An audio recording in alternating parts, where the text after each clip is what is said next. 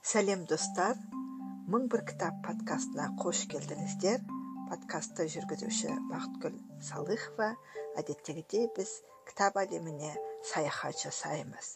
Бүгінгі тақырыбымыз эдгар аллан по алтын қоңыз әңгімесі немесе шифрлар кілт кодтар әлемі өздеріңіз білетіндей шифрлар кілт сөздер кодтар көбінесе детектив шпиондар туралы шығармаларда және шым шытырық оқиғаларды сипаттау барысында көп кездеседі.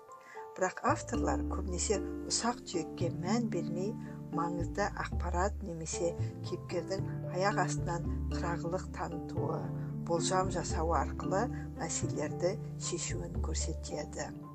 Бүгін мысал ретінде біз эдгар алан поның шығармасын алғымыз келіп отыр. Өздеріңіз білетіндей эдгар алан по 1809-1849 жылдарда өмір сүрген ағылшын әдебиетінің танымал жазушысы. Ол бар болғаны 40 жасында қайтыс болса да артында 26 әңгіме 32 поэтикалық шығарма 9 сын мақала және роман қалдырған. Олардың ішінде оның қысқа жұмбақ және қорқынышты әңгімелері ерекше танымал болды. Алдымен осы әңгіменің яғни эдгар аллан поның алтын қоңыз әңгімесінің қысқаша мазмұнын айтып берейін.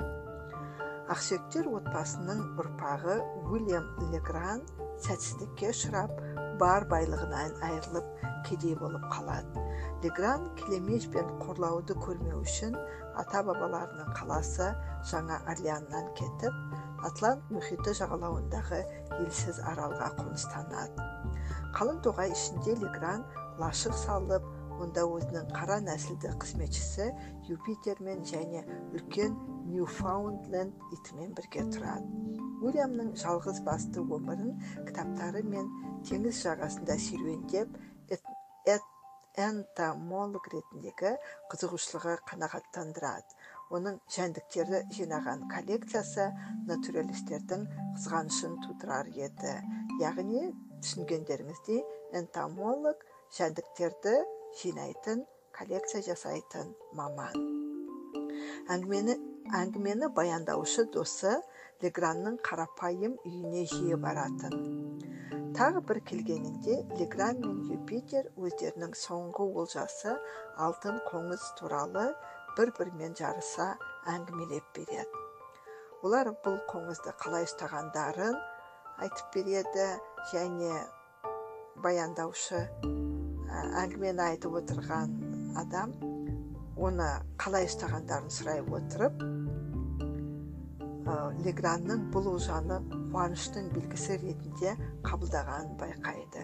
Яғни легран кенеттен және тез байып кететініне сенімді болады.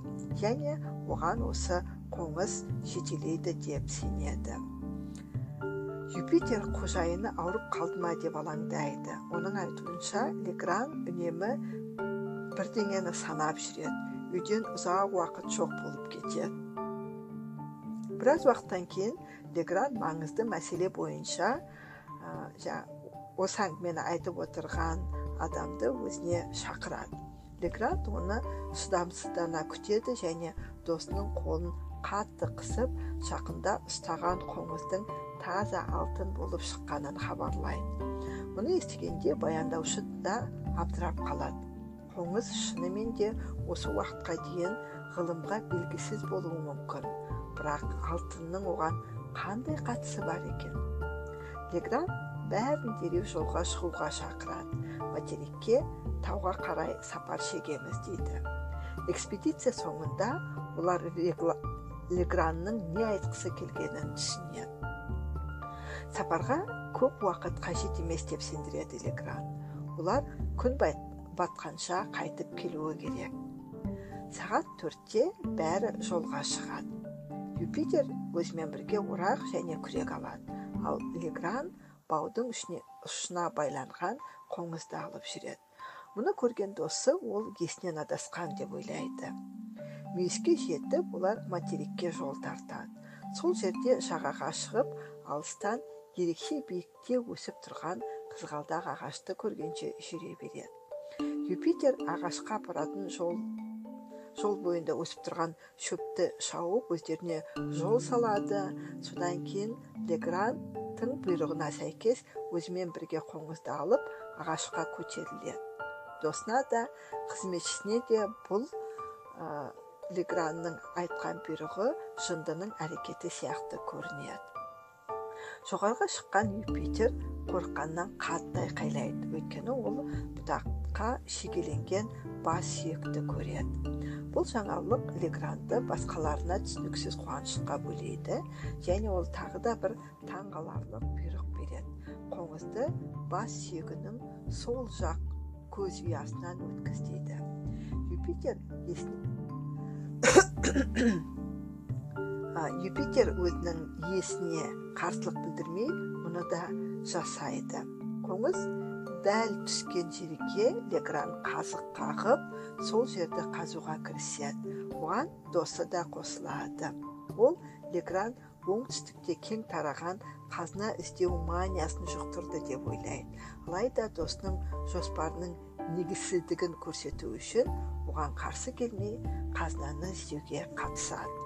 Сөйтіп олардың жер қазып жатқанына бір жарым сағат болғанда ньюфаундленд иті үре бастайды ит шұңқырға секіріп түсіп екі адамның қаңқасын тауып алып ары қарай қаза бастайды және олар күрекпен бір екі рет қазып топырақты шығарғанда бірнеше алтын тиын мен темір сақинаны көреді осыдан кейін жұмыс тезірек жүреді және көп ұзамай сақина тамаша сақталған ағаш сандықтың қақпағына бекітілген болып шығады қазына іздеушілер қолдары дірілдеп сандықты ашқанда нағыз қазынаны көреді сандықта өте көп алтын мен асыл тастар жатады қайтар жолда ауыр сандықпен жүру оңай болмайды достар үйіне оралып қазынаны мұқият зерттеп қарап шыққанда сандықтың ішіндегі алтын бір жарым миллион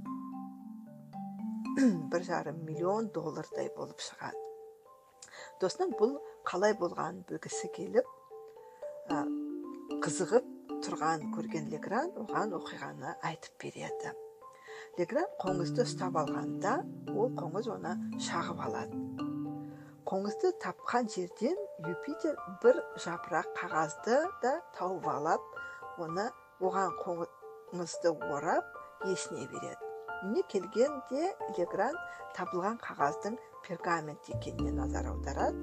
Және жылудың әсерінен пергаментте бас сүйегінің бейнесі пайда болған кезде ол оны одан әрі қыздыра түседі.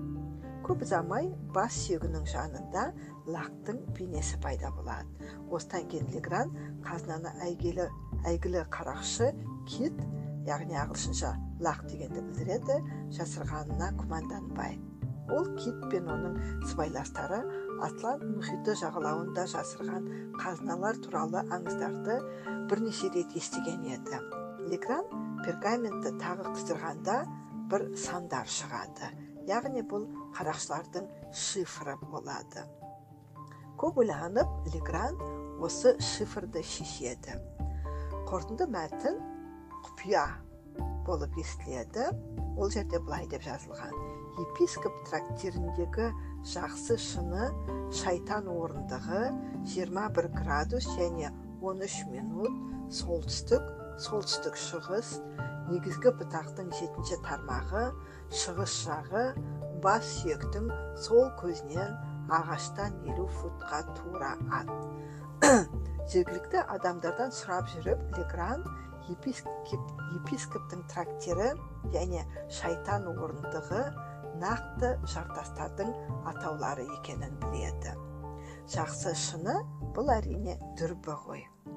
Көрсетілген бағытты зерттей отырып легран қызғалдақ ағашын көреді және оған шыққанда юпитер сол жерден бас сүйекті табатынына күмәнданбайды.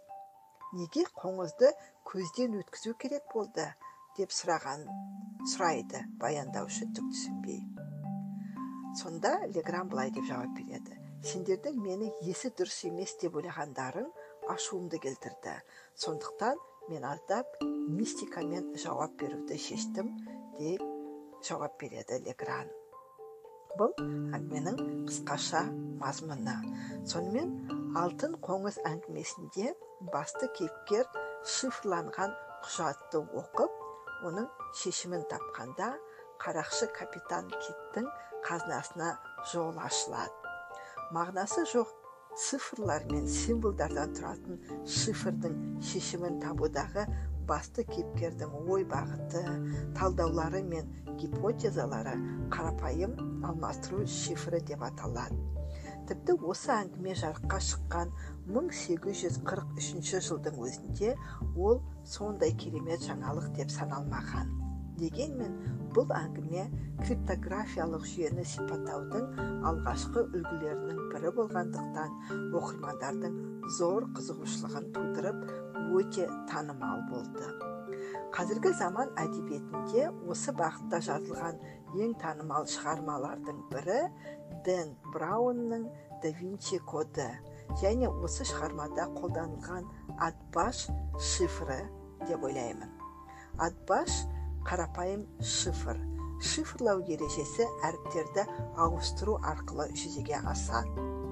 Атбас сөзінің шығу тарихына келетін болсақ ол ивриттегі бірінші соңғы екінші және соңғысының алдындағы әріптерді қосқанда шыққан сөз яғни бұл әріптер алеф тав бет және шин бірақ оқырманды қызықтыру үшін шифрлар сөздер кодтар қолдану бір бөлекте өз басына түскен ауыртпалықты қиыншылықты сол кезде айта алмайтын шындықты шығармасында жасырып беру кейін болашақта оқырмандар оны шешер немесе уақыты келгенде айтармын деген оймен жазу басқа нәрсе. 1969 жылы француз жазушысы және кинорежиссер жорж перек ла диспарейшн деп аталатын танымал романын жазады.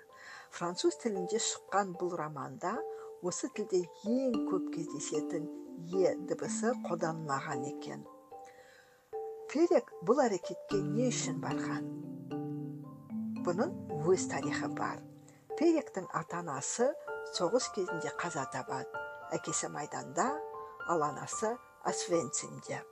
Сондықтан оның романы ең қымбат жандарын жоғалтқан автор сияқты тілдегі ең көп қолданыстағы дыбысты жоғалтады. Осы принципке сәйкес ағылшын неміс итальян тілдеріне аударылғанда да е дыбысы түсіп қалады. Ал испаншаға аударылғанда аударылған нұсқада а дыбысын таппайсыз. Роман орыс тіліне екі рет аударылған. Валерий кислов жасаған аудармамен 2005 жылы жарық көрген романда да липограмма грамматикалық тәсіл толық сақталады. Орыс тілінде ең көп кездесетін о дыбысы романда қолданылмаған. Айтпақшы липограмматикалық өлең дегенді естулеріңіз бар болар. Оның мағынасы өлеңде әдейі бір немесе бірнеше дыбысы бар сөздер қолданылмайды. Бұл әдіс өз бастауын көне заманнан алады. Грек ақыны трифеодор гомерге еліктеп өзінің одиссеясын жазады. Бірінші бөлімінде а дыбысы бар сөздер жоқ. Екіншісінде б дыбысы сөйтіп әр бөлімде әліпбиге сәйкес бір дыбыс қолданылмай жазылған екен. Мұндай тәжірибені еуропа ақындары да жүзеге асырып көрген. Орыс ақындарынан державин мен голенищев кутузов липограмматикалық өлең тәсілімен жазған мысалы державиннің соловей сне өлеңінде р дыбысы жоқ. Бұлай жазу ақындарға көп қиындық тудырған. Ал оның әсері жоқтың қасы өйткені арнайы айтпаса адамдар оны байқамай да қалады екен. Сонымен жорж перек романында е дыбысын қолданбау арқылы өз жанының күйзелісін қайғысын көрсетіп ата анасын жоқтап соғысқа лағынет айтса соғыста жақындарын жоғалтқан басқа адамдармен өзінің бірге екенін оларды түсініп қолдайтынын көрсетсе орыс жазушысы роберт стильмарк 1958 жылы шыққан калькутта мұрагері романының 23 бөлімінде лжи писатель вор плагиатор деген сөздерді жасырып қояды. Бұл сөздер осы романның екінші авторы василий василевский туралы еді. Алғашқы басылып шыққанда роман екі автордың есімімен шығады да өте танымал болады бірақ роберт штильмар бұл романды тек өзі ғана жазғанын екінші автордың шығармаға еш қатысы жоқ өтірікші екенін 1959 жылы болған сотта дәлелдеп шығады да романның кейінгі басылымдарында тек штильмарктың аты жөні тұрады. Штильмарк екінші авторды неге қос, неге қосты деген сұрақтың жауабын оның өмірбаянын оқып отырып табуға болады 1945 жылы тұтқындалып лагерьде 10 жылын өткізген штильмарк 1950 жылы өз жазасын сол жақта өтеп жатқан ұры василевскийді кездестіреді. Лагерьдегі авторитет василевскийдің сталинге арнап роман жазып өз уақытынан ертерек босап шыққысы келетін арманы болады. Сол арманын штильмеркке роман жазуға жағдай жасау арқылы жүзеге асырмақ болады. Штильмарк романды бір жыл үш айда бітіреді. Василевский оны түптетіп барлық инстанциялардан өткізіп жүргенде сталин қайтыс болады да романды жіберу қажеттілігі болмай қалады. Дегенмен өзінен ерте босап шыққан штильмаркке екеуінің атынан романды шығаруды ұсынады. Ал егер олай істемесе өз адамдарын жіберіп өлтіретінін айтады. Сондықтан ә, штильмарк осы оның айтқанынан сескеніп және қорыққан штильмарк романға екі автордың аты жөнін жазып оны жариялайды. Бірақ соңында шындық жеңеді. Тарихты алдай алмайтынымыздың осындай дәлдері қай кезде де әрине үміт отын жаға береді. Сонымен бүгін біз сіздерге әртүрлі шығармалардағы бүркемелеген ақиқат туралы айттық. Яғни шифр кілт сөз код арқылы беріп айтатын ақпаратты жасырып ұсыну мүмкіндігін жазушылар өте кең және әдемі қолданған. Осымен бүгінгі подкаст эпизодын аяқтаймыз. Ә, кітап оқыңыздар деуден ешқашан жалықпаймын өздеріңізге қызық сізді баурап алатын тақырыпты табатындарыңызға сенімдімін. Бүгінгі тақырып қызық болса пікір жазуды ұмытпаңыздар. Мың бір кітап подкастында жолға берейік. Сіздермен бірге болған бақытгүл салыхова. Келесі кездескенше күн жақсы болсын